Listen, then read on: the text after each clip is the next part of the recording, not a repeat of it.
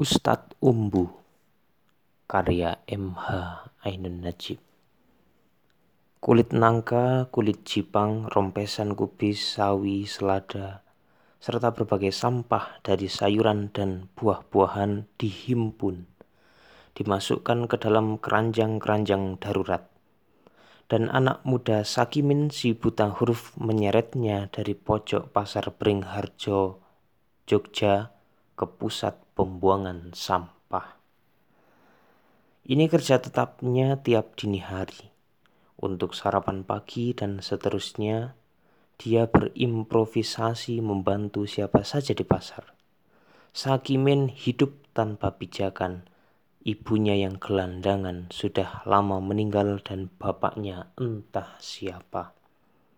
Suatu malam seorang lelaki gondrong yang garis mukanya kelam jantan seperti kuda menegurnya dan mengajaknya ngobrol.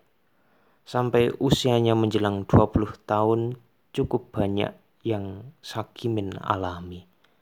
Namun tidak banyak yang mampu dirumuskan oleh otak Sakimin. Juga perihal laki-laki itu tidak banyak yang diketahui Sakimin, kecuali bahwa yang jelas pria itu sangat memperhatikannya. Beberapa bulan kemudian si gondrong mengusahakannya untuk narik becak. Selanjutnya dia diajari baca tulis. Pada suatu malam di trotoar Malioboro Utara, tempat mangkalnya Mas Gondrong itu. Sakimin duduk melingkrung di becaknya sambil membaca komik. Si Gondrong dengan beberapa kawannya muncul sambil tersenyum dan berkata, Lihatlah, ini Sakimin. Setahun dua tahun lagi dia sudah bisa baca puisi. Tidak sampai setahun kemudian si gondrong ini lenyap sesudah membantu karir Sakimin untuk meningkat jadi penjual rokok. Dan perihal sudah baca puisi itu, wawahu a'lam.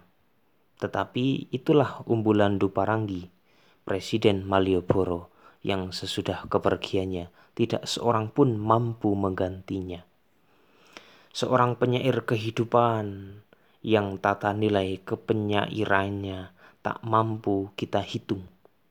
Seorang guru paling setia yang kemungkinan tidak bakal pernah dilahirkan lagi oleh Indonesia. Seorang penggali, penumbuh, pemaju, pelecut, tukang bakar, dan tukang bikin gila yang di Yogyakarta selalu lahir kembali sebagai fenomena terutama ketika lingkungan kesusastraan menggelisahkan kemandekan kreativitas. Habis sekarang tidak ada umbu, kita mestinya membuat susan, suasana seperti pada zaman umbu dulu. Sastra Jogja sering kali jadi nostalgik, romantik, dan nyinyir sepeninggal umbu 1975.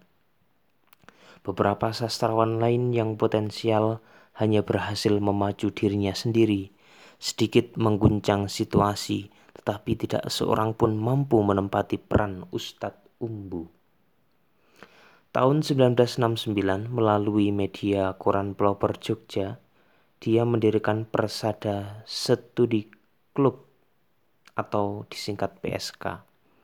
Tempat siapa saja belajar menulis sastra dalam arena percaturan yang unik Umbu memperhatikan setiap puisi, pertumbuhan kreatifnya dalam santunan yang tidak general, melainkan menekuni watak, kecenderungan, bahkan latar belakang hidup setiap penulisnya.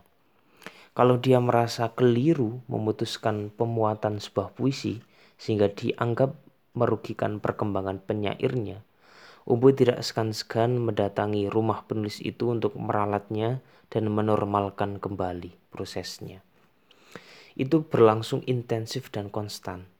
Umbu merangsang dan melontarkan tantangan lewat pos konsultasi yang hampir setengah halaman koran.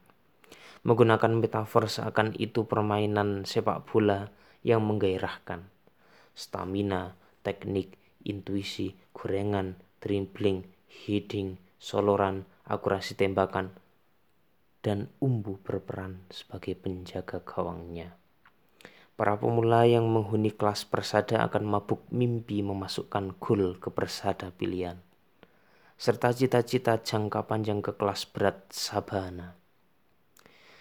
Ditambah dengan diskusi dan reading tiap minggu pagi, potensi sastra Jogja dan sekitarnya terserap ke dalam suatu greget galatama puisi, cerpen, esai yang penuh kemungkinan.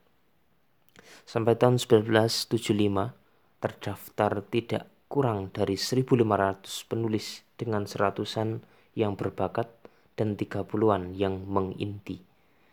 Nama-namanya kini mungkin banyak Anda kenal. Pada waktu itu Jogja betul-betul terasa gayeng, punya darah hangat, serta punya degup jantung tertentu yang khas dan tiba-tiba umbu lenyap.